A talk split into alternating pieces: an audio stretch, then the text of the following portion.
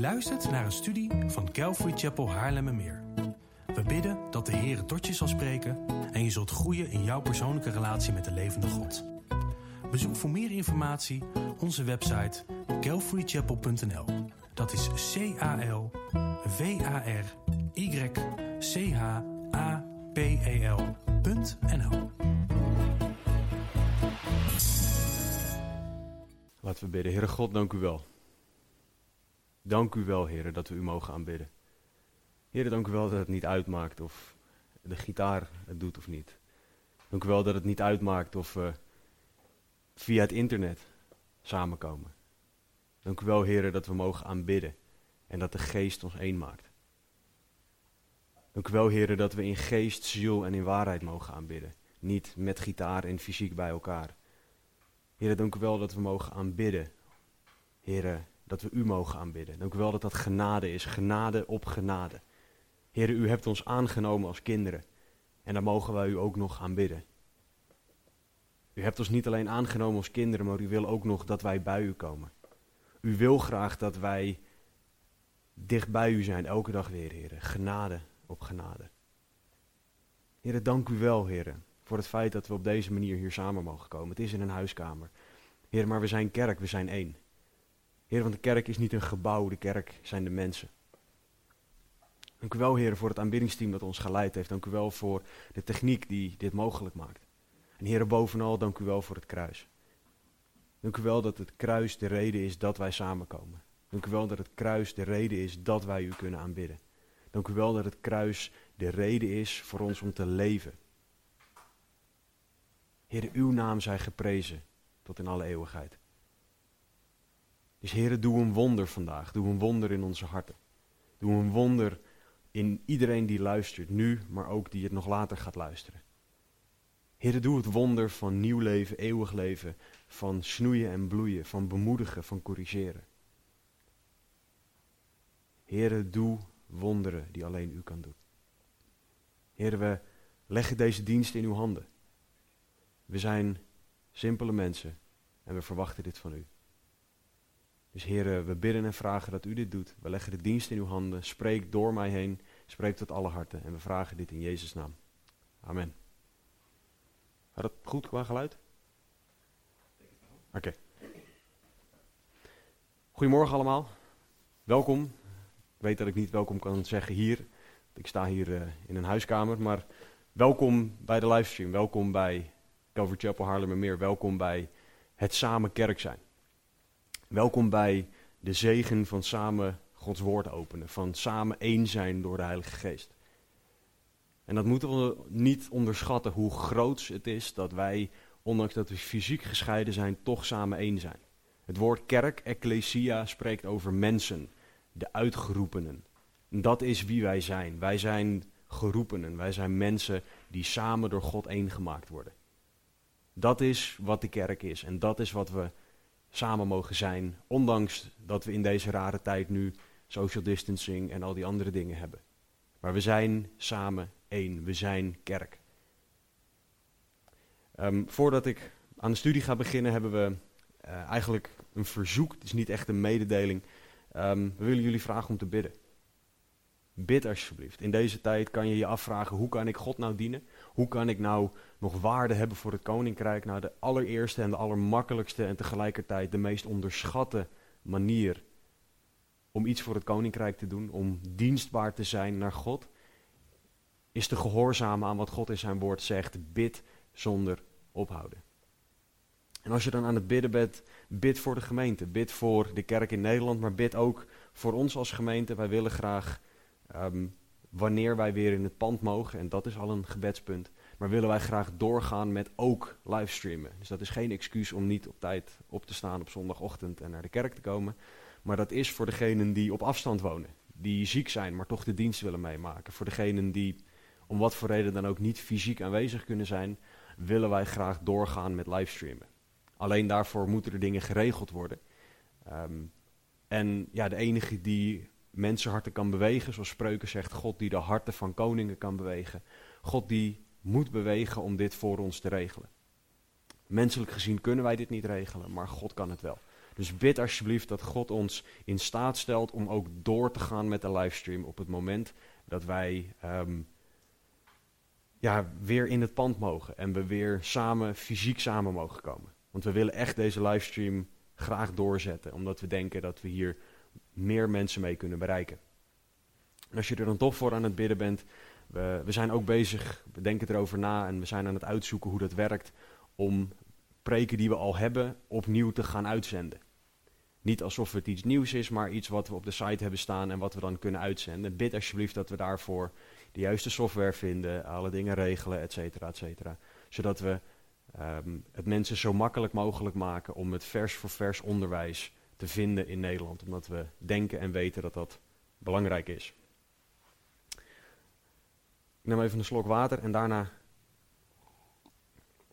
wil ik samen met jullie het woord gaan openen. En we gaan het woord openen niet volgens de Route 66 methodiek die we de afgelopen maanden hebben, waar we van hebben mogen genieten. Het is echt een zegen om elk Bijbelboek door te gaan, om te horen wat God aan grote lijn in het hele woord gelegd heeft. Maar vandaag gaan we iets anders doen. We gaan kijken naar de elkaar versen, in het Engels de one another verses. En ehm, waarom is dat belangrijk? Nou, omdat het er nogal veel zijn. Als God iets herhaalt, dan weten we dat het belangrijk is en hij herhaalt veel over elkaar in het woord. Er zijn meer dan 50 van die versen en daarom is het goed om ernaar te kijken. Voor degenen van jullie die mij trouwens niet kennen, sorry, kom ik nu even achter, het staat op mijn notities. Ik ben Casper de Haan, ik hoef trouwens niet op te schrijven wat, dat, wat mijn naam is. Maar ik was vergeten om me voor te stellen, ik heb het voorrecht om assistent-voorganger van deze gemeente te zijn. Wat betekent dat ik af en toe bij kan springen met, met studies, dat ik een, een van de fellowshipgroepen leid en dat ik een hoop dingen achter de schermen regel. Um, doet er verder niet zo toe, maar we gaan vandaag samen naar de elkaar versen kijken. Specifiek gaan we in Johannes 13 gaan we lezen. En door het hele Nieuwe Testament wijst God de kerk op elkaar. Hij wijst de kerk op dat we iets met elkaar moeten. En dat is niet alleen Jezus zelf die dat zegt. Het is ook Paulus, het is Jacobus, het is Johannes, het is Petrus. Alle vijftien schrijvers hebben het over elkaar. De elkaar versen en wat we richting elkaar moeten doen. En een les in Bijbelstudie is, als God iets herhaalt is het belangrijk. Als Jezus zegt voorwaar, voorwaar, dan herhaalt hij een woord, dan, moet je, dan weet je, ik moet nu opletten. En als zo'n woord als elkaar en wat je richting elkaar moet doen, als dat vaker voorkomt, is het een les. Let hierop. Hier moet je wat mee. Dit is iets wat God belangrijk vindt. We gaan vanochtend niet naar alle versen die elkaar gericht zijn kijken. Dat is gewoon niet mogelijk, want dan zitten we hier morgenmiddag nog. Dat lijkt me niet verstandig. Dus ik wil naar drie, ik hou van drie punten. Ehm, ik wil naar drie dingen met jullie kijken, waarvan de eerste is de overkoepelende opdracht aan de kerk. Dus de, de, de opdracht die God geeft, en dan heb ik het niet over de grote opdracht, maar de opdracht richting elkaar die God ons geeft. Tweede vraag is, wat verwacht God dan van jou? Als we weten wat die overkoepelende opdracht is. En ten derde, en daar gaan we vooral volgende week uitgebreid op in, um, dan mag ik ook de, het, woord gaan delen. Um, maar wat staat het uitvoeren van die elkaar-versen in de weg? En heb ik daar echt een hele preek voor nodig, een hele studie? Ja, daar heb ik echt een hele studie voor nodig. Omdat dat heel erg diep gaat. Dat gaat echt tot aan de diepste dingen van je hart. Die elkaar dienen, elkaar liefhebben, de elkaar versen in de weg staan. En we gaan dat doen vanuit een specifieke bril kijken naar deze versen. Dus we hebben die drie punten. De overkoepelende opdracht, wat verwacht God van jou en wat staat het in de weg? Maar dat gaan we doen vanuit de blik van fellowship. Het Griekse woord koinonia. Want als we niet die specifieke blik zouden hebben, dan zou het nog een veel te breed onderwerp zijn. En juist in deze tijd van social distancing, van um, niet met z'n allen in de trein mogen zitten, um, afstand houden in de supermarkt, is fellowship juist heel erg belangrijk. Het is belangrijk om verbonden te blijven met elkaar, om uh, bezig te zijn met elkaar dienen zoals het woord ons dat onderwijst. En het is daarom juist nu belangrijk dat wij Jezus woorden en Jezus rol, of de woorden van Jezus en onze rol daarin goed begrijpen. Dus als je een Bijbel bij je hebt, Sla maar alsjeblieft open op Johannes hoofdstuk 13. We gaan twee versen daaruit lezen. Namelijk Johannes hoofdstuk 13, vers 34 en 35. En ik zal later nog iets van context gaan schetsen. Maar Jezus zelf, de God van hemel en aarde, zegt hier iets heel belangrijks. In Johannes 13 tot en met 17 lezen we eigenlijk de meest diepe dingen uit Jezus hart. Het is Jezus' afscheidsspeech naar zijn discipelen in de bovenkamer, waar ze ook het heilige avondmaal vieren. En Jezus die zegt hier de volgende dingen in Johannes 13, vers 34 en 35. Een nieuw gebod geef ik u, namelijk dat u elkaar lief hebt. Zoals ik u lief gehad heb, moet u ook elkaar lief hebben. Hierdoor zullen allen zien dat u mijn discipelen bent als u liefde onder elkaar hebt. Tot zover. Om dit stuk te begrijpen en om deze twee versen te begrijpen, moeten we iets doen wat heel erg belangrijk is in Bijbelstudie en dat is de context bekijken. In Johannes 13 begint Jezus zijn afscheidsspeech en hij doet dat op een hele bijzondere manier. Hij doet dat terwijl hij zelf zijn discipelen dient. Jezus wast de voeten van zijn discipelen, is wat we gaan zien. Jezus neemt hier de taak op zich van de laagste, van de laagste, van de laagste slaaf die er is. Hij neemt hier de taak op zich om de vieze, stinkende, ranzige voeten te wassen van mensen die de hele dag door stoffige, vieze wegen gelopen hebben. De taak die, die geen van de andere discipelen zichzelf toebe, toebedeelde. Want ze gingen allemaal maar gewoon aan de tafel liggen om te gaan eten. En Jezus pakte de, de kom met water, begon de voeten van de discipelen te wassen, zegt vers 5. En af te drogen met de linnen doek die hij om zijn middel had. Met zijn eigen kleren droogde Jezus de voeten van zijn discipelen af. Dus de context is, de God van hemel en aarde, de schepper zelf, wast de voeten van zijn discipelen. Dat is de context waarin Jezus deze dingen zegt. En vergeet niet, Efeze 3, vers 6 zegt dat Jezus het hoofd van de kerk is. Dus het is niet zomaar iemand die hier spreekt. Het is het hoofd van de kerk die bepaalt wat de kerk hoort te doen en hoe de kerk dat hoort te doen. Dit is degene die zeggenschap heeft over het handelen, het wandelen, het doen en het laten van de kerk. En hij geeft ons een voorbeeld. En hij spreekt woorden tot ons. Dit zijn woorden die impact horen te hebben. Dit zijn Jezus overkoepelende woorden over elkaar. Over wat we richting elkaar moeten doen. Jezus leefde deze woorden. En voor de duidelijkheid, in de elkaar versen zit veel herhaling. Vijftien keer wordt deze opdracht om elkaar lief te hebben herhaald. Niet alleen door Jezus, maar ook door degenen die direct van hem onderwijs hebben gehad. De discipelen zelf onderwezen de kerk, heb elkaar lief.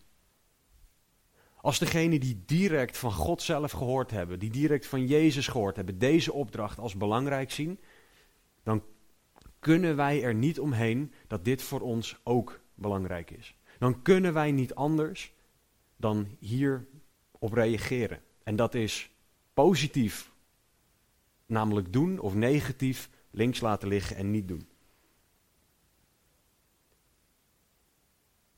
Wat prachtig is, is dat Johannes 13, vers 1 ons al laat zien wat voor liefde Jezus had. En dat komt tot uiting in wat ik net al zei, in dat hij de voeten waste, maar Johannes 13, 1 maakt het zo prachtig duidelijk. Er staat, en voor het feest van het Pascha of Pesach, toen Jezus wist dat zijn uur gekomen was, dat hij uit deze wereld zou overgaan naar de Vader, heeft hij de zijnen, heel, degene die van hem zijn, zijn kerk, die in de wereld waren en die hij lief gehad had, lief gehad tot het einde. Jezus leefde wat hij zei. In het Engels, he practiced what he preached. Jezus' woorden kwamen overeen met zijn daden en zijn daden lieten zijn woorden zien. Jezus had lief tot het einde. Dat is het voorbeeld. En dat, met dat in het achterhoofd zegt Jezus ook in Johannes 13, 34, 35, zoals ik u lief gehad heb, moet u ook elkaar lief hebben. Dat is het voorbeeld dat Jezus geeft. Dat is de liefde die wij richting elkaar moeten hebben. Zoals Jezus die liefde liet zien aan zijn discipelen, horen wij liefde te tonen naar elkaar. Maar wat bedoelt Jezus nou precies met deze opdracht? Want dit is een vrij grote en brede opdracht. Nou, zeker met de bril van fellowship op is dit een belangrijke vraag. Zeker nu in deze tijd, want we mogen elkaars voeten, behalve misschien van je gezin, maar mogen elkaars voeten niet wassen. Want op anderhalve meter afstand is dat wat lastig. Moet je misschien een emmer water naar iemand gooien of zo. De fellowship van Jezus en zijn discipelen was gebaseerd op liefde. Daar komt de link tussen deze liefde en fellowship om de hoek kijken. Dit is hoe fellowship tussen christenen moet zijn. De opdracht die Jezus hier geeft is ontzettend groot. Want wij moeten mensen lief hebben. En ik weet niet hoe het met jullie zit, maar mensen lief hebben is niet mijn sterkste kant. Voor de meeste mensen is dat niet onze sterkste kant. Want Jezus zegt hier niet, je moet hen lief hebben die jij ook mag. Want voor de duidelijkheid, Jezus waste hier de voeten van Judas Iscariot. Degene waarvan Jezus wist, hij gaat mij verraden. Hij is de indirecte oorzaak dat ik straks gemarteld ga worden. En Jezus waste zijn voeten. Wij horen iedereen lief te hebben. Ook mensen waarvan wij van nature zoiets hebben van die wil ik niet lief hebben. Of mensen waarvan de wereld denkt die hoor jij niet lief te hebben.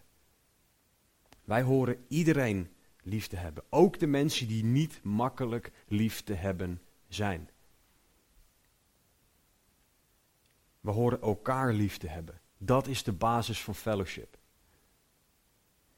En wie moeten wij dan lief hebben voor de duidelijkheid? Nou, Jezus geeft een nieuw gebod aan de discipelen. Dus hij geeft het nieuwe gebod in eerste instantie aan de twaalf min Judas. Maar het stopt daar niet, want het is niet alsof deze opdracht alleen aan hun gegeven was. Zoals ik al zei, Petrus, Paulus, Johannes en Jacobus schrijven hier ook over. Dus zij herhalen die opdracht omdat zij doorhadden, dit is hoe de kerk naar elkaar hoort te zijn. Dit is hoe fellowship tussen broeders en zusters, tussen broeders, broeders, zusters, zusters, hoort te zijn in de kerk. Er staat hier ook niet, ouderen heb jongeren lief en jongeren wordt alleen lief gehad. Er staat hier niet, jongeren, je moet, je, je moet ouderen lief hebben. En ouderen, jij moet het maar ondergaan en ervan genieten en het is je recht. Nee, wij horen elkaar lief te hebben. Het is een actie richting elkaar. Iedereen naar elkaar toe. Jezus spreekt hier tegen alle gelovigen, want hij heeft het hier tegen zijn discipelen. Want hij zegt deze opdracht nadat Judas weggegaan is. Hij zegt het tegen de discipelen die hem echt geloven, die echt van hem houden. En daarom is deze opdracht ook voor ons. Het gaat om de mensen die geloven dat Jezus de zoon van God is. En in het Grieks, vind ik interessant, um, staat er dat je elkaar moet liefhebben. Het Griekse woord is daar allelon. Ik zal het ongetwijfeld verkeerd uitspreken, maar dat doet er niet toe. Wat, want dat woord allelon betekent elkaar, wederzijds en onderling. Je moet elkaar, je moet wederzijds, je moet onderling liefhebben, zegt Jezus. Dat is de opdracht en dat is hoe fellowship werkt. Elkaar liefhebben, de ander dienen, alles gemeen hebben. Zoals we de eerste kerk zagen doen. En vaak betrekken wij dat op bezittingen. Maar dat is ook je tijd. Dat is ook je hart delen met een ander. Dat is ook investeren in de ander. En in deze tijd is dat elkaar liefhebben door een appje te sturen, door een belletje te plegen, door een kaartje te sturen, een bosje bloemen bij iemand langs te brengen. Door, terwijl je die afstand bewaart, elkaar spreekwoordelijk, geestelijk, figuurlijk de voeten te wassen, door de ander te dienen, hoe je dat dan ook kan. En, en vergeet niet, hè, Jezus gaf deze opdracht aan elf mannen die continu bezig waren met één hele, hele belangrijke vraag. Wie van ons is de belangrijkste? Dat vonden zij echt belangrijk. En tegen die mannen zegt Jezus, jullie moeten elkaar lief hebben zoals ik jullie heb lief gehad. Dus hun perspectief was, ik wil de belangrijkste zijn en Jezus zegt, jij moet dienen als de nederigste slaaf. Deze discipelen moesten leren wat echt belangrijk was. Dit moet echt een shock voor hun geweest zijn om dit te horen. Johannes 13, vers 34 en 35 is de uitleg hoe je naast de liefde hebben, hoe fellowship met elkaar te hebben, hoe de volgende stap te zetten in elkaar liefhebben. Namelijk zoals Jezus ons heeft liefgehad. Het gaat zelfs nog verder dan je naaste liefhebben. Want de opdracht, de, de wet wordt samengevat in: heb de Heer uw God lief met heel uw hart, ziel, kracht en verstand. En uw naaste als uzelf. Dat geldt voor iedereen, voor de hele wereld. Maar specifiek voor u, voor de discipelen, voor binnen de kerk, gaat Jezus nog een stap verder. Hij legt de lat hoger. En hij zegt: Zoals ik u lief gehad heb, moet u elkaar lief hebben.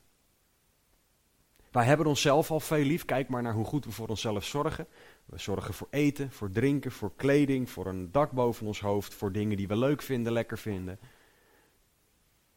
Zo moeten we van iedereen houden. Maar Jezus zegt specifiek richting elkaar in de kerk, allelon. Heb elkaar wederzijds onderling lief. Dat is hoe Jezus lief had. Dat is zijn opdracht aan ons. Dat is fellowship. Als wij elkaar op die manier lief hebben. Dat is samen groeien.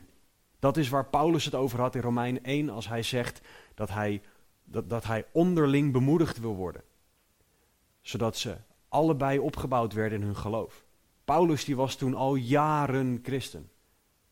Hij had zoveel dingen gezien, zoveel dingen geleerd van God. En toch wilde hij bemoedigd worden door die jonge christenen in Rome. Hij wilde Gods liefde aan hen laten zien en door hen en met hen bemoedigen terwijl hij hen bemoedigde. Dat is fellowship, dat is liefde, dat is Johannes 13, 34, 35. Dat is wat wij horen te doen richting elkaar. Hoe ziet deze opdracht er dan uit? Nou, ik heb het al een aantal keer genoemd, omdat het woord zelf het zegt. Jezus had lief tot het einde, Johannes 13, vers 1. Dat is de standaard. En waarom is het zo belangrijk dat dat de standaard is? Omdat wij mensen geneigd zijn om onszelf te gaan vergelijken. En het liefst met iemand van wie wij vinden dat we beter zijn. Wij zijn heel snel geneigd om te zeggen: nou, Ik ben misschien wel een zondaar, maar ik ben niet zo'n slechte zondaar als. Puntje, puntje, puntje. Nee, ik weet dat God met mij aan het werk is, maar ik ben gelukkig niet zo diep als. Puntje, puntje, puntje. Ik heb, wel, ik heb lief, zeg je misschien wel. Beter dan die ander. Maar om dat te voorkomen, omdat God ons kent, omdat Jezus ook zijn discipelen kende, die zichzelf alleen maar met elkaar aan het vergelijken waren, ligt de lat op het niveau van Jezus liefde. Zoals ik u lief gehad heb, heb elkaar lief. Wat voor liefde is dit? Hoe ziet Jezus liefde eruit? Nou, Jezus kwam naar de aarde. Wij beseffen ons niet hoe gigantisch die uiting van liefde is. Wij beseffen ons niet wat het betekent dat Filippenzen 2 zegt dat hij zichzelf ontledigde. Dat hij zijn goddelijkheid aflegde om aan ons gelijk te zijn.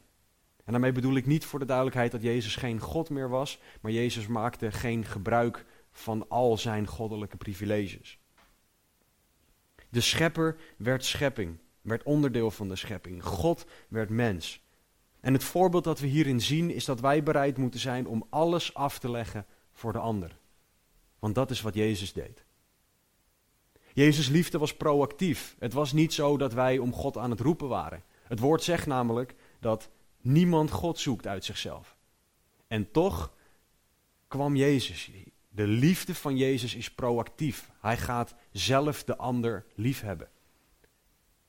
Hij toonde al liefde toen wij dat niet verdienen, zegt Romeinen 5, 8 ook. Gods liefde werd zichtbaar dat toen Jezus voor ons stierf, toen wij nog zondaren waren. De liefde van Jezus is proactief naar de ander en dat is de standaard voor liefde, de standaard voor fellowship. Iedereen wil dat iemand anders naar ons toe komt om ons lief te hebben. Maar als iedereen op de ander gaat zitten wachten, gebeurt er nooit wat.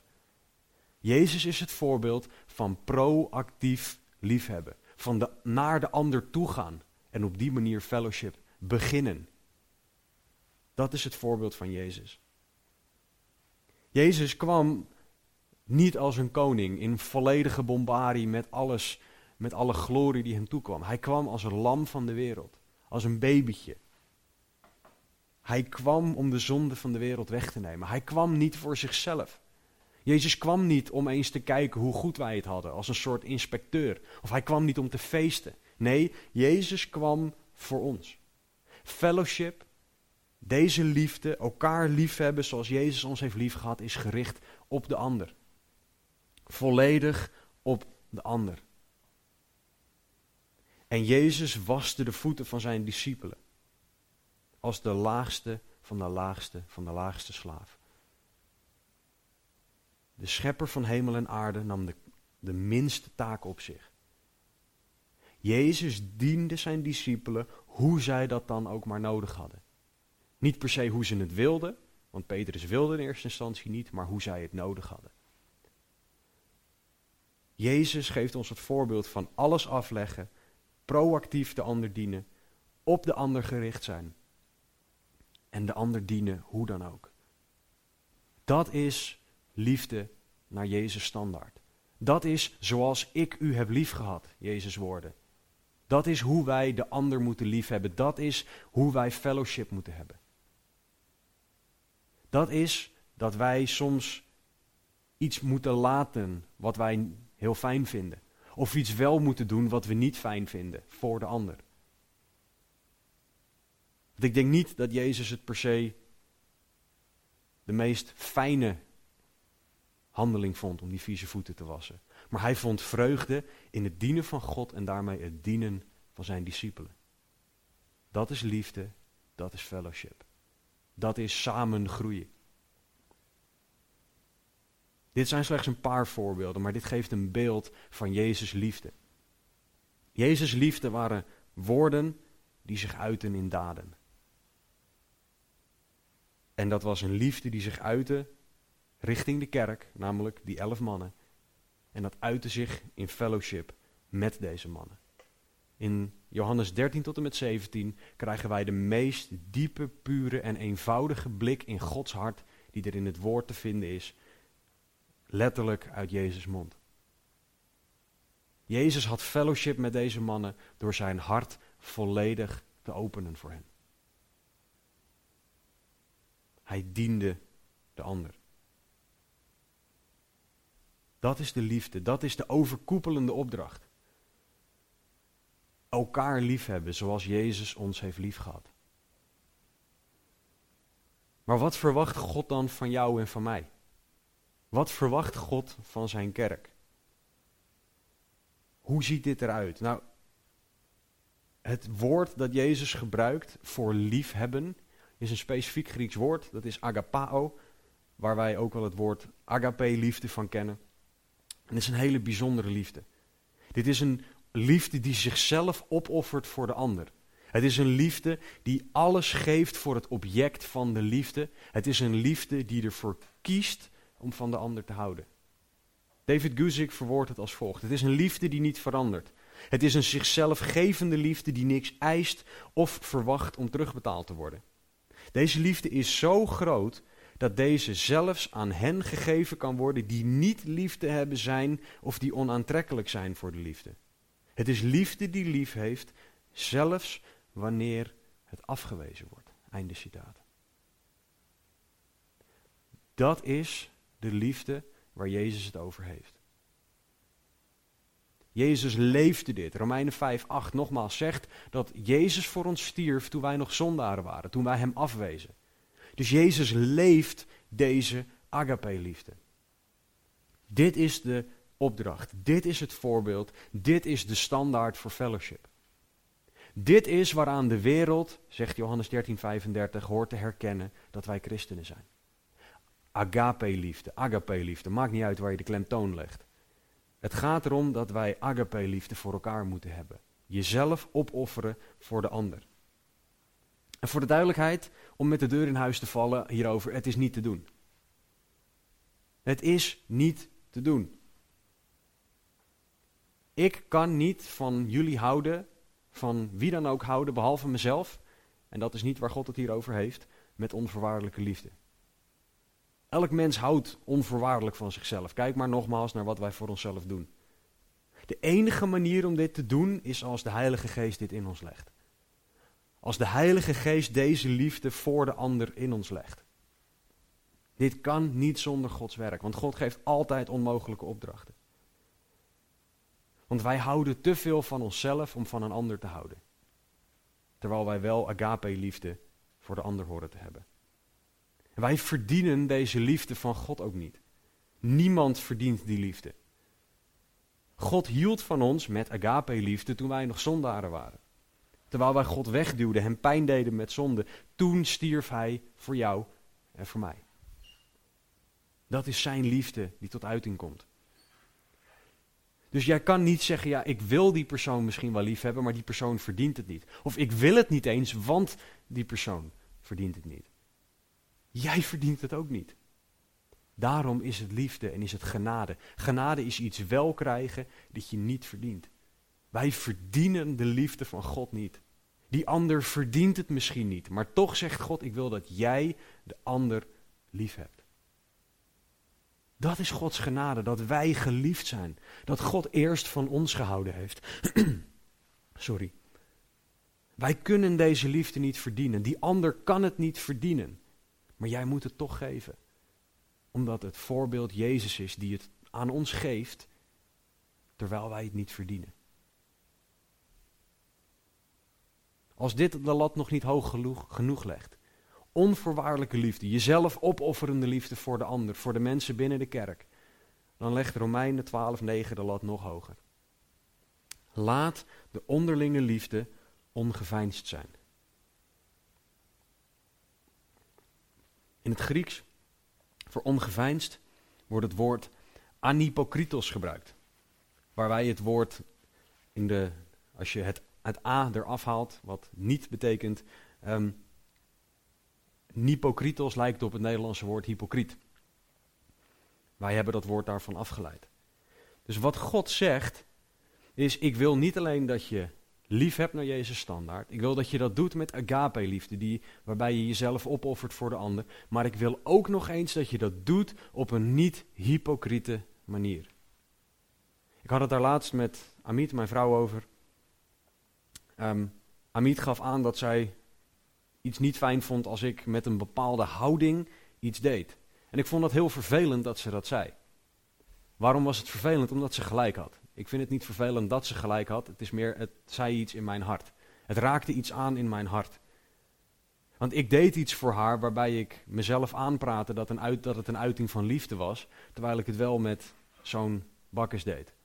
Ik deed het niet met een houding, met een ongeveinsde liefde. Wij horen ongeveinsd, niet hypocriet, de ander met agape-liefde lief te hebben. Onze agape hoort oprecht en echt te zijn naar de ander. Dat legt de lat dus nog veel hoger. Want zeker als je bedenkt dat dat dus de lat, de standaard, de minimum vereiste voor fellowship zijn. Fellowship onderling hoort ongeveinsd, niet hypocriet, agape-liefde, zoals Jezus ons heeft liefgehad te zijn.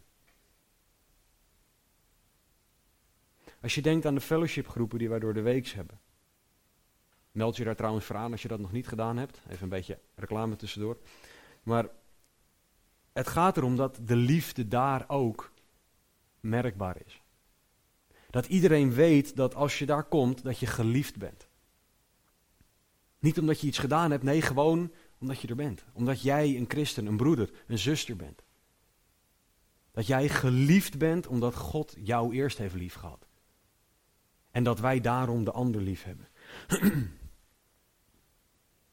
maar zoals gezegd, deze liefde is niet mogelijk voor ons. Het woord spreekt op één plek over waar wij zelf, uit onszelf, agape-liefde hebben. En dat is namelijk voor de zonde.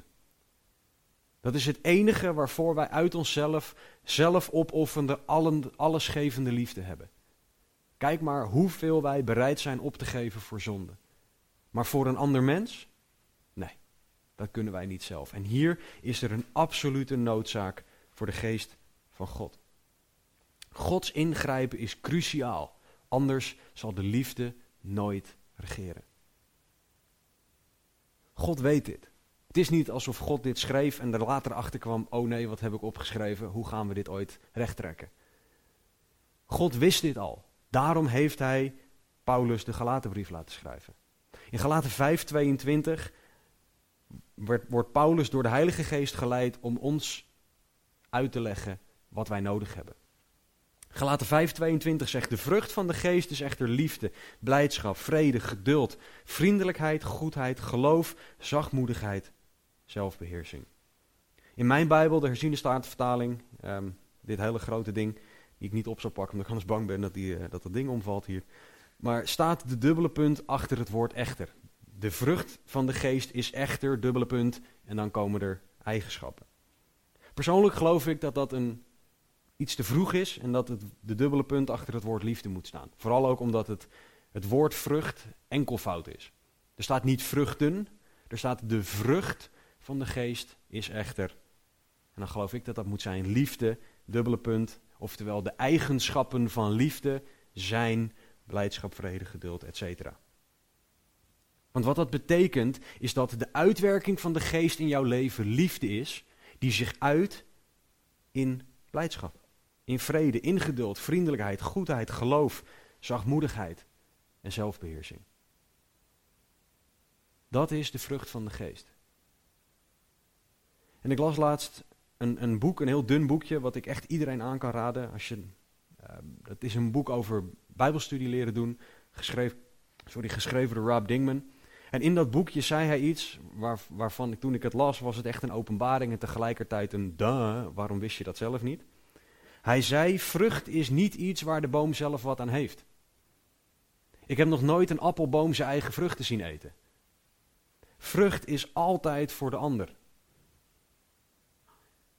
Geen boom eet zijn eigen vruchten. Het is altijd op de ander gericht. En zo is ook de vrucht van de geest. De vrucht van de geest moet altijd gericht zijn op de ander. Het klinkt misschien een beetje teleurstellend dat je zelf niks hebt aan de vrucht van de geest in je eigen leven. Maar dat is hoe God werkt, want Jezus was gericht op, normaal zou ik het jullie willen horen zeggen uit de zaal, maar de ander. Jezus was gericht op de ander. We moeten elkaar lief hebben, niet jezelf lief hebben met de vrucht van de geest. Deze liefde is niet voor jou, deze vrucht van de geest is voor de ander. Andere mensen moeten kunnen genieten van deze liefde. Dat is hoe de vrucht van de geest werkt. Dat is wat wij nodig hebben om de ander lief te kunnen hebben zoals Jezus. Want Jezus was volledig, perfect, vol van de geest. En dit is heel eenvoudig wat de kerk nodig heeft. Dit is wat Calvary Chapel meer nodig heeft. Niet omdat ik denk dat wij het hier slecht in doen, maar omdat we altijd meer de liefde van God kunnen laten regeren. Omdat wij altijd meer de vruchten willen plukken van Gods werk in jouw hart. Wij willen allemaal meer de vruchten plukken van wat God aan het doen is. Dit is wat de wereld nodig heeft. Christenen die lief hebben met agape-liefde. Dit is wat binnen de kerk, geleid door de geest, nodig is. Dit is wat ons zou onderscheiden als zijn discipelen. Liefde, geleid door de geest. En om heel kort in te gaan, want dat zou een aantal studies op zichzelf zijn, hoe deze liefde tot uiting komt in de eigenschappen van Galaten 5:22. De vrucht van de geest is liefde die zich uit in blijdschap. Je bent blij met en voor een ander. Je gunt iemand anders iets. Je bent blij als iemand anders een promotie heeft gekregen, als iemand een huis gekocht heeft, als iemand, vul het maar in. Je bent blij met en voor de ander. Je bent blij de ander te zien. Je bent blij dat je de ander mag dienen. Blijdschap. De vrucht van de geest is echter liefde die zich uit in vrede. Vrede tussen mensen. Hoe veel rust zou het geven in de kerk als deze vrede tot uiting zou komen in elke kerk? Dat zou het pastoraal werk een stuk makkelijker maken. Als iedereen deze vrede zou laten regeren. Als de liefde regeert op deze manier. De vrucht van de geest is echter liefde die zich uit in geduld. Geduld met de ander. Proactief geduld met de ander. Niet geduld met jouw eisen. Nee, God is nog met mij bezig. Dat is ook zo'n heel slechte excuus dat mensen gebruiken. Nee, God is nog met, met, met mij bezig. Dat is vaak een excuus om te mogen zondigen. Geduld met de ander. Dat is hoe wij liefde kunnen tonen. De vrucht van de geest is echter liefde die zich uit in vriendelijkheid. Vriendelijk met elkaar omgaan in de kerk.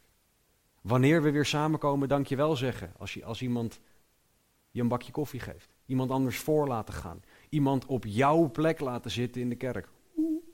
We hebben allemaal natuurlijk onze standaard plek. En als iemand erop gaat zitten, oeh.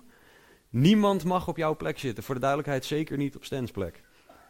Nou hoor, dat is een grapje. Voor de duidelijkheid. De liefde, de vrucht van de geest is echter liefde die zich uit in goedheid.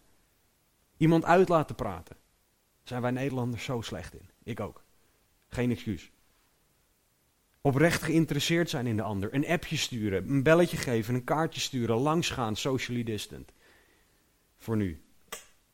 De vrucht van de geest is echter liefde die zich uit in geloof, de ander geloven. Samen God geloven. Trouw zijn aan de ander, want dat betekent dat woord geloof ook. Trouw zijn aan het woord, aan jouw woord naar de ander. Ja, ik ga dit voor je doen, ik ga dit voor je opzoeken, ik ga dit aan je geven en het dan ook doen. De vrucht van de geest is echter liefde die zich uit in zachtmoedigheid. Niet op je strepen willen staan. Nee, dat is mijn plek, want daar zit ik elke week. Nee, ik heb recht op, dus jij moet nu. Nee, niet op je strepen gaan staan. Jezelf niet beter voelen dan de ander. Geen trots, maar juist zachtmoedig omgaan met de ander. De vrucht van de geest is echter liefde die zich uit in zelfbeheersing. Jezelf beheersen omwille van de ander. Hoe anders zou elke kerk zijn als dit regeert in ons allemaal en als wij allemaal de vruchten mogen plukken van dat dit in onze harten gebeurt? Hoe anders zou de kerk zijn? Hoe anders zou jij zijn? Zou jouw gezin zijn? Zouden de mensen jou zien als dit regeert in onze harten? Dit is Jezus' standaard van liefde. Dit is de standaard voor fellowship. Dit is als wij allemaal die vruchten hiervan mogen plukken, hoe wij samen gaan groeien. Voor de duidelijkheid, de kerk moet hiermee niet een zacht gekookt eitje worden, waar, maar, waar, waar je gewoon maar overheen loopt. De kerk is geen deurmat. Gods liefde is duidelijk, Gods liefde is liefdevol hart waar dat nodig is. De liefde hoort op die manier te regeren en zo hoort onze fellowship ook te zijn. Galaten 6:1 zegt dat we de zonde liefdevol moeten confronteren. Efeze 4:15 spreekt over de waarheid in liefde spreken. Dat is een juistere vertaling dan wat er in het Nederlands staat. Paulus die pakt de valse leer heel hard, maar liefdevol aan. Jezus was heel duidelijk tegen de fariseeën, maar altijd vanuit perfecte liefde. Voor die fariseeën, sadduceeën en de overige wetgeleerden. Liefde is niet alles toestaan. Liefde is niet alles is liefde en alles moet kunnen. Dat is niet Gods liefde. Jezus zei: Ga heen en zondig niet meer. Jezus was duidelijk, maar tegelijkertijd perfect liefdevol. En onze liefde hoort op die manier te zijn. Dat is de standaard voor liefde die wij horen te volgen. De liefde die onder ons hoort te regeren. En de enige manier waarop dat kan, is als de geest in ons regeert. De vrucht van de geest is echte liefde. Dat betekent dat de geest meer tot uiting moet komen in ons. Dat betekent dat de geest moet regeren in ons. In de woorden van Efeze 5:18, wij moeten gevuld, bijgevuld en bijgevuld blijven worden met de geest. Pas dan zullen we deze liefde hebben en zal het zich gaan uiten. Alleen dan zullen wij fellowship hebben zoals God het wil. Zoals Jezus ons het voorbeeld geeft. Dus wat verwacht God? Nou, dat je beschikbaar bent voor Hem. En dat God dit werk in jou kan doen. God verwacht dat jouw hart en jouw gedachten getoetst worden aan deze standaard. God verwacht van jou dat jij je hart en je gedachten onderwerpt aan Hebreeën hoofdstuk 4. Maar staat dat het woord al deze dingen in ons wil toetsen. En om een paar voorbeelden te noemen, voorbeelden te noemen, ik kom bijna niet uit mijn Nederlandse woorden, um, van hoe dit in de elkaar-verse werkt. Galaten 5:13, dien elkaar door de liefde. Dat is die Galaten 5:22 tot uiting. Elkaar in liefde verdragen. Efeze 4:2. Heb elkaar hartelijk lief met broederlijke liefde. Hartelijk lief hebben. Niet, eh, wat leuk dat je er bent. Nee, oprecht de ander. Niet hypocriet, ongeveinsd liefhebben. Romeinen 12, 10. En al deze elkaar-versen hebben één basis, hebben één overkoepelend thema. Zoals ik u lief gehad heb, Johannes 13, 34, moet u ook elkaar lief hebben. Hierdoor zullen allen zien dat u mijn discipelen bent, als u liefde onder elkaar hebt. Dat is de overkoepelende opdracht. Dit is hoe Jezus handelde en dit is hoe hij wil dat de kerk onderling handelt. Dit is hoe hij wil dat wij fellowship hebben met elkaar. Hoe de kerk zich uit naar de wereld om ons heen. Hoe de kerk zich uit naar elkaar. En Jezus' punt hier is cruciaal voor de christen. Hier mag je niet overheen lezen. Hier mag je niet zomaar aan voorbij gaan en denken: ah, dit, dit lukt me wel, dit doe ik wel even. Want we zijn nog niet eens begonnen aan uit te diepen wat dit nou precies betekent. Dit gaat zoveel verder dan dat wij doorhebben. Kijk maar gewoon naar hoe ver Jezus voor jou gegaan is. En leg dat naast hoe jij van je broeders en van je zusters houdt. Als jij oprecht kan zeggen, zonder te liegen tegenover God, dat jij de ander zo lief hebt, dan wil ik heel graag je telefoonnummer hebben. Want dan wil ik graag met je praten en van je leren. Maar ik faal hier elke dag in. Omdat mijn liefde voor mij dan weer de kop opsteekt. Omdat mijn liefde voor wat ik leuk vind belangrijker wordt dan mijn liefde door God voor de ander. Onderlinge liefde is essentieel voor de kerk. Om de kerk überhaupt te kunnen zijn. Onderlinge liefde moet de kerk kenmerken en moet regeren in ons hart. En dat is waar het diepste punt zit. Ons hart moet vol zijn van Gods liefde. God werkt van binnen naar buiten. Als ons hart vol is van deze liefde, als ons hart vol is van de vrucht van de geest, zal zich dat gaan uiten in allerlei dingen. Want jullie kunnen niet zien of liefde regeert in mijn hart. Dat losse feit kan jij niet zien, maar je kan wel zien of ik blij met jou ben. Of ik vrede uit naar jou. Of ik geduldig ben, of ik vriendelijkheid toon, of ik goedheid, geloof, zachtmoedigheid, zelfbeheersing toon. Jezus' liefde uitte zich in dat hij bijvoorbeeld de voeten van zijn discipelen waste. Jezus' liefde uitte zich in dat hij voor jou en voor mij stierf. Dat Jezus voor elke zondaar alle zonden gedragen heeft. Dat is Jezus' liefde. Liefde die in zijn hart regeerde kwam tot uiting in zijn daden. In al zijn daden. In alles wat Jezus deed, in alles wat Jezus dacht, regeerde liefde. Dat is de lat, dat is de standaard, dat is de basis voor fellowship.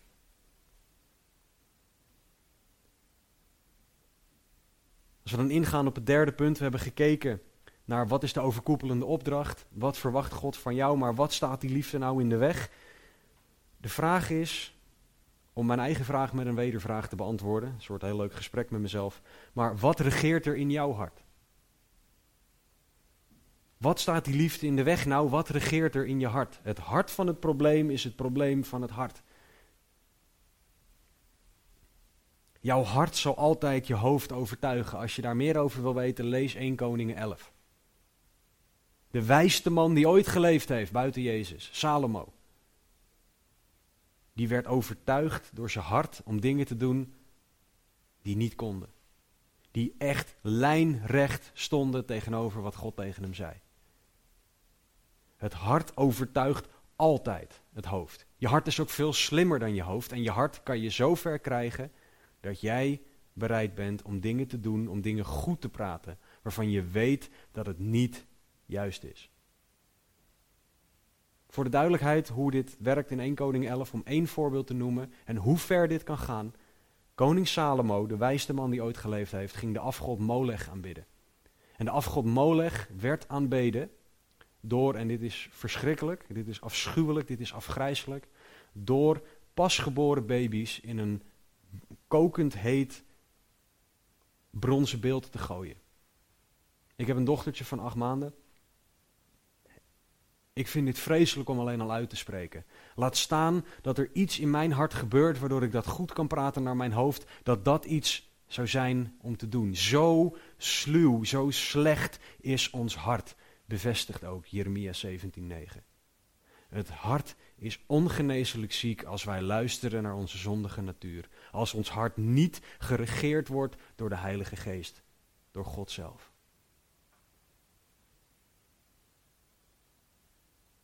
Als liefde niet tot uiting komt in jouw leven, dan heb jij een hartprobleem. Als liefde niet tot uiting komt in mijn leven, heb ik een hartprobleem. En dan bedoel ik niet dat je naar het ziekenhuis moet, maar je moet naar het woord. Ons hart is ziek, is egoïstisch, is zondig en is niet in staat om iets anders lief te hebben dan onszelf en dat wat ons blij maakt. Of in ieder geval tijdelijk blij maakt. Namelijk zonde. Ons hart is alleen bereid om dat lief te hebben waar wij iets aan hebben. En niet om de ander lief te hebben omdat het goed is voor de ander. Zoals God van ons vraagt. Wij moeten leren leven naar het nieuwe hart dat wij gekregen hebben, zegt Ezekiel 36. Wij moeten leren leven naar de nieuwe natuur, 2 Korinthe 5. En in dat nieuwe hart en in die nieuwe natuur regeert de liefde van God. Regeert de Heilige Geest, regeert de vrucht van de Geest, is liefde. In die nieuwe natuur is het opeens logisch om lief te hebben zoals Jezus, de ander lief te hebben zoals Jezus ons heeft lief gehad. Als het niet tot uiting komt in jouw hart, in jouw daden, dan heb je een probleem. En hier gaan we volgende week dieper op in, want dit is een studie op zich. Maar wat er in jouw hart regeert, is een barrière voor liefde. Kan een barrière zijn, sorry, voor liefde en onderlinge fellowship. En jouw hart, voor de duidelijkheid, wordt zichtbaar in je daden. Jezus zei, waar het hart vol van is, stroomt de mond van over. Dus bijvoorbeeld wat voor woorden jij gebruikt, laat zien wat er in je hart is. Jouw hart komt tot uiting in jouw daden. Dus als jij wil weten hoeveel de liefde van God in jouw hart regeert, doe een stapje terug en analyseer je eigen daden. Ga kijken naar wat jij doet. Niet naar wat jij denkt of vindt, maar wat jij doet. Want dat laat zien wat, jij, wat er echt in jouw hart leeft. Om Gods liefde te tonen, om de liefde zoals Jezus die toonde te uiten, moet God regeren in jouw hart. En een vraag die aan christenen een hele gevaarlijke is, is ken jij Gods liefde? Ken jij Jezus liefde? En het antwoord of, is heel makkelijk of is heel snel ja. Ja, tuurlijk ken ik dat. Ik ben zelf 28, ik ben nog net niet letterlijk geboren in de kerk. Dus het is voor mij een gevaar om hier heel snel ja op te zeggen. Tuurlijk ken ik die liefde. Ik hoor er al mijn hele leven over. Maar er zit een verschil tussen weten en kennen. Ken ik die liefde of weet ik alleen maar dat die bestaat? Ken ik echt, is het doorgedrongen in mijn hart hoe groot de liefde van Jezus is? Wat hij wel niet gedaan heeft, begrijp ik meer en meer en meer hoe ver hij gegaan is voor mij. Als ik zijn liefde alleen maar weet, weet dat hij bestaat, dan zal het niet in mijn hart regeren. Als ik die liefde ga kennen,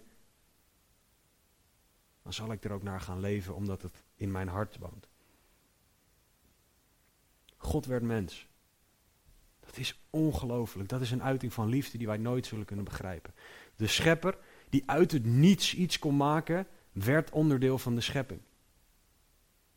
Jezus leefde perfect, iets wat jij en ik niet kunnen. Dat is een uiting van zijn liefde. Hij deed alles wat jij en ik niet kunnen. Wij zijn zondaren, wij verdienen straf, zegt Romeinen 3. En Jezus droeg die straf, zegt 1 Petrus 2, voor jou en voor mij.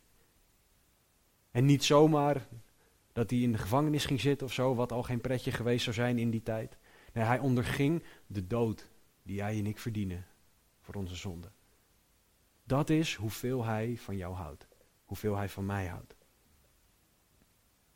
En het is niet zo dat Jezus zei: Ik sterf alleen voor goede zondaren. Nee, Jezus stierf één keer voor allen.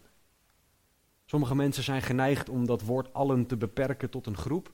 Dat is niet zo. Jezus stierf voor allen, alleen niet iedereen neemt het aan. Dus Jezus stierf voor jou. Wie je ook bent, wat je gedaan hebt. Het maakt niet uit.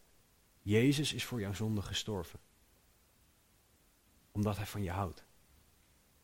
Niet omdat je het verdient. Niet omdat ik het verdien. Is hij voor mij gestorven. Ik verdien niks behalve de dood. Ondanks dat ik al jaren in de kerk kom. Dat geeft me geen bonuspunten bij God. Dat is Jezus liefde. Ken jij die? Ken ik die? Of weet je alleen dat het bestaat? Wat moet je doen om deze liefde aan te nemen? Nou, geloven. Johannes 20, vers 31. Jezus die geeft ons hier de, de blauwdruk. We moeten geloven dat Jezus Gods zoon is. Dan worden we gered. Is dat te makkelijk? Zo lijkt het misschien wel. Maar het makkelijkste, of het, ja, het makkelijkste is misschien de eerste stap. De rest van je leven gaat God met je aan de slag. Dat is niet altijd even makkelijk. Maar het is wel het beste wat je kan overkomen. Het is het beste wat je kan hebben, omdat je weet dat je eeuwige zekerheid hebt. Dat je zonden vergeven zijn. Dat, die liefde van God is zo ongekend en die mag jij leren kennen. Beleid dat je een zondaar bent. Zeg dat je redding nodig hebt. Vraag om vergeving voor je zonde en geloof in Jezus, Gods Zoon die voor jou gestorven is aan het kruis en die opgestaan is uit de dood. Dan ben je gered, zegt het woord. Dus geloof jij dat? Geloof jij in die Jezus? Geloof jij in zijn offer aan het kruis voor jou? Geloof jij in zijn liefde? God wil dat jij die liefde leert kennen, die tot uiting is gekomen in Jezus. Geloof in Hem, beleid je zonde en je bent gered. Vraag om vergeving, je bent gered. Misschien geloof je dit al jaren. Kom je al langer dan dat ik leef in de kerk. Dat betekent niet dat Gods liefde in jouw hart regeert. Dat betekent niet dat de vrucht van de geest in jouw leven zichtbaar is voor een ander. Dat een ander de vruchten mag plukken van Gods werk in jou. Wat motiveert en drijft jouw daden? Is dat ik heb er recht op? Is dat ik heb er zin in? Is dat Heer, wat wilt u van mij? Jezus, ik wil doen wat u voor mij gedaan hebt, wil ik voor de ander doen. Hoe ziet dat er vandaag uit? Alleen als Jezus liefde regeert in jouw hart, zullen wij de elkaar verse uit kunnen voeren. Alleen als Jezus liefde in jouw hart regeert, zullen wij fellowship kunnen hebben op het niveau waar God het wil, wil hebben. Alleen wanneer Jezus liefde regeert, zullen wij dit kunnen doen. En dit kost moeite, zeker in deze tijd. In deze tijd kost het extra moeite. Want we kunnen niet wekelijks op zondag samenkomen en die liefde daar naar elkaar uiten. Je moet nu een stap extra doen. Je moet nu een afspraak maken met iemand en bewust langs gaan. Je moet nu een appje sturen omdat je mensen niet zelf ziet. Maar ben jij iemand die zich dan gaat verstoppen? Die zich dan maar wegstopt in zijn eigen huis, zijn eigen appartement, zijn eigen kamer? Of zie jij dat Jezus liefde proactief was? En ga jij die liefde proactief bij de ander brengen? Regeert Jezus liefde in jouw hart? Is de vraag. Als het antwoord daar nee op is, heb je daar een barrière voor fellowship die bij jou zit. Niet bij de ander, maar bij jou. De grootste barrière voor fellowship zijn wij zelf. Want wij gaan fellowship met een ander in de weg zitten door wat er in ons hart regeert. Ben jij deze liefde kwijt? Heb jij je eerste liefde verlaten, de eerste liefde van God voor God? Beleid dat. Leg het bij God neer in gebed. Vraag hem om vergeving en hij kan en wil je die liefde teruggeven. Alleen wanneer die liefde regeert, zullen wij kunnen liefhebben. Zullen wij de ander kunnen liefhebben zoals Jezus eerst van ons gehouden heeft. Vraag God om jou opnieuw te laten zien hoe groot die liefde is. Hoeveel Hij van jou houdt, hoe hard jij die liefde nodig hebt en hoe jij dat mag uiten naar de ander. Zoals ik u lief gehad heb, moet u ook elkaar lief hebben. Dat is Jezus' opdracht. Dat is fellowship. Dat is de basis en de lat voor fellowship. Wat regeert er in jouw hart bepaalt.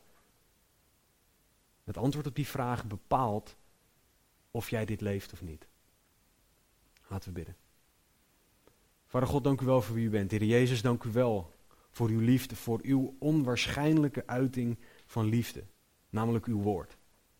En dat dat waar is. En dat elke letter die daarin staat 100% waar is. Dank u wel dat wij eerst door u zijn liefgehad en dat wij daardoor elkaar mogen liefhebben. Heer, vergeef ons waar wij fellowship met de ander in de weg hebben gestaan.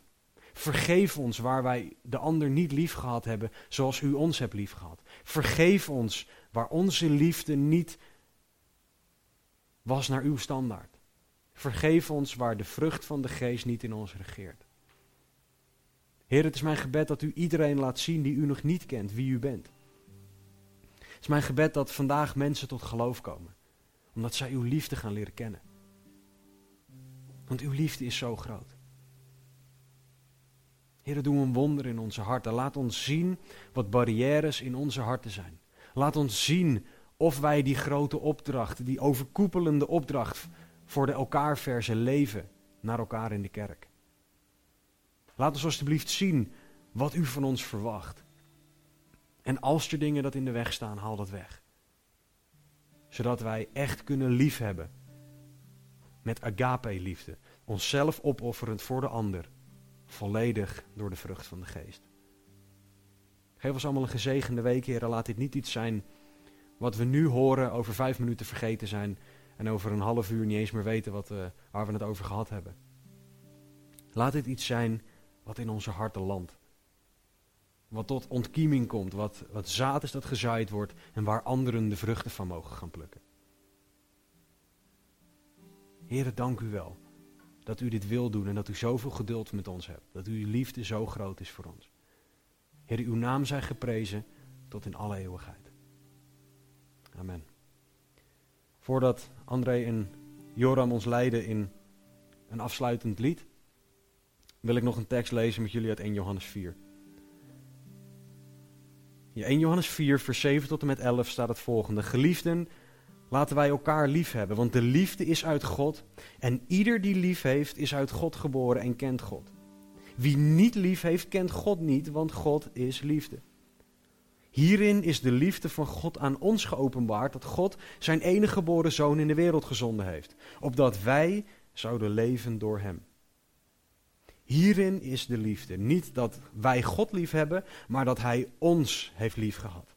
En zijn zoon zond als verzoening voor onze zonden. Geliefden, als God ons zo lief had, moeten ook wij elkaar lief hebben.